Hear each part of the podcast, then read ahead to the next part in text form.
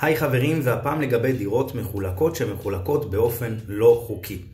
למה לא לנצל את המשקיעים ולהוסיף אלפי יחידות דיור להשכרה תוך כמה חודשים עבור חיילים, זוגות צעירים, גרושים וכל מי שחי לבד? כל ראש עיר בישראל יודע שיש בעיר שאותה הוא מנהל במינימום מאות דירות מחולקות. אז למה לא לחפש את הדרך לעשות זאת באופן כזה שכולם ירוויחו? כרגע מי שמרוויח מזה זה רק המשקיעים. להחליט שכל מי שרוצה לחלק, יחלק בתנאי שקיבל אישור שכנים בבניין, אישור אדריכל ומהנדס, ובתנאי נוסף וחשוב, השבחת הכניסה, מה שיכול לגרום ליותר שכנים להסכים. יש לנו אינטרס כקהילה, כמדינה, שאנשים יחו בכבוד בבני... בבניינים שלהם, ושלאנשים שאין להם יהיה איפה לגור. יש בניינים שאתה שואל את עצמך איך אנשים חיים כאן. אז מה הבעיה לאשר חלוקות באישור אנשי מקצוע? ולסדר ולהשביח כניסות. הרי המדינה לא תעשה את זה. אז מה הבעיה למצוא את הדרך לעשות את זה? כך כולם ירוויחו. המשקיע ירוויח שכירות נאה, הדיירים ירוויחו כניסה מסודרת ויפה, והמדינה מה תרוויח? אזרחים שנעים להם להיכנס לכניסה. אזרחים שירגישו שדאגו להם לדיור בר השכרה שמתאים לכיס שלהם. אפשר לומר שאין עיר שאין בה דירות מחולקות. אך זה נפוץ ובמספרים מאוד גדולים בפריפריות. רוב הדירות המחולקות הן בקומה אחרונה, ללא מעלית ולא סתם. הפרש המחירים בין דירה בקומה ראשונה לבין קומה אחרונה באותו הבניין יכול להגיע בכיף למשהו כמו 70 או 100 אלף שקלים, ואת הסכום הזה שנחסך, המשקיעים לוקחים ומשקיעים אותו בחלוקת הדירה, וזה יכול לכסות להם משהו כמו 50% מסכום השיפוץ, וזה לא מעט כסף. בשביל לחלק דירה לשתי יחידות דיור ברמה של בית מלון, נצטרך להשכיב בין 100 ל-200 אלף שקלים, ויש חלוקות יותר זולות, בסוף זה שיפוץ, וזה תלוי באיכות המוצרים שנבחר, ובאנשי המקצוע כמובן. יש כיור ב-200 שקלים ויש כיור ב-2,000, מקלחון ב-500 שקלים ומקלחון ב-5,000 שקלים, רצף ב-120 שקלים למטר ורצף ב-250 שקלים למטר. נראה לי שהבנתם.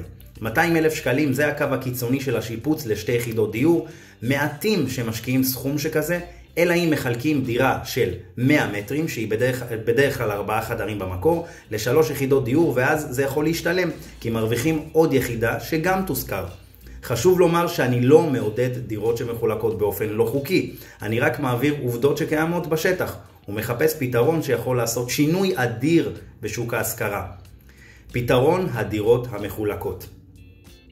במקום להילחם במשקיעים, למה שהמדינה לא תראה איך אפשר לנצל את הכסף והיוזמה שלהם, כך שכולם ירוויחו, כמו בהתחדשות עירונית. המדינה מנצלת את כישוריו וכספו של היזם בשביל שכולם ירוויחו. כי המדינה מבינה שהיא לא יכולה לשפץ מאות אלפי דירות או לבנות בקצב של הקבלנים. בפרויקט תמ"א 32 לדוגמה, 38-2 אה, שזה פרויקט של בנייה והריסה, הדיירים מקבלים דירה חדשה תמורת הדירה הישנה שלהם.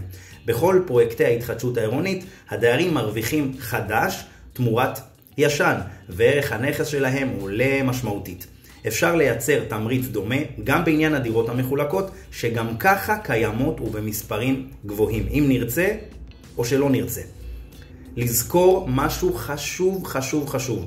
ראשי ערים יקרים, לפני שאתם צועקים זה לא חוקי, זכרו שאם היה כפתור אדום וגדול שבלחיצה עליו כל הדירות המחולקות היו נעלמות, אנשים ככל הנראה היו ישנים בחוץ. גרושים וגרושות, אלמנות ואלמנים, חיילים וחיילות, קשישים ובודדים, אנשים שפשוט אין להם את, הכמו, את הכמה מאות אה, אה, שקלים הנוספים לשכור דירה שהיא לא מחולקת.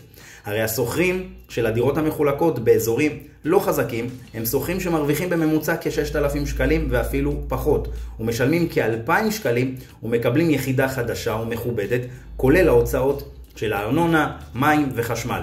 זאת אומרת שבדירה רגילה הם יצטרכו לשלם עוד כ-600 שקלים ויותר פר חודש, ובשנה זה חיסכון של כ-8,000 שקלים פלוס מינוס ליחידה אחת.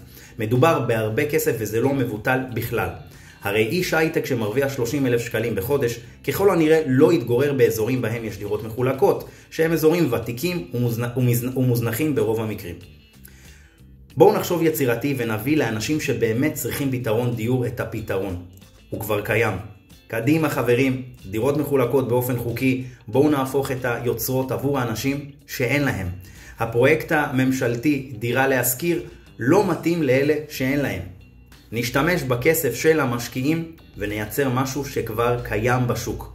הרי יש עשרות אלפי יחידות דיור מחולקות, רק שכרגע מי שמרוויח מזה זה רק המשקיעים.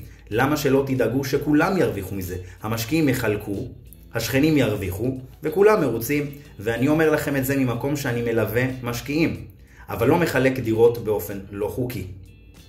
חוק שיעודד משקיעים לחלק בצורה שנכונה הנדסית ומתאימה לדיירים הנוספים בבניין, יכול לעשות פלאים ובטווח הזמן המיידי, לא בעוד 20 שנה או 30 שנה. יש הסכמה של 60% מהדיירים בבניין, קדימה להשביח את הכניסה ולא להשאיר אותה שבורה ומטונפת. מה דעתכם חברים? בעד או נגד? אני הייתי בן סולומון, מומחה לשיווק והשקעות נדל"ן. לכל שאלה תרגישו חופשי לשאול כאן למטה. שיהיה בהצלחה.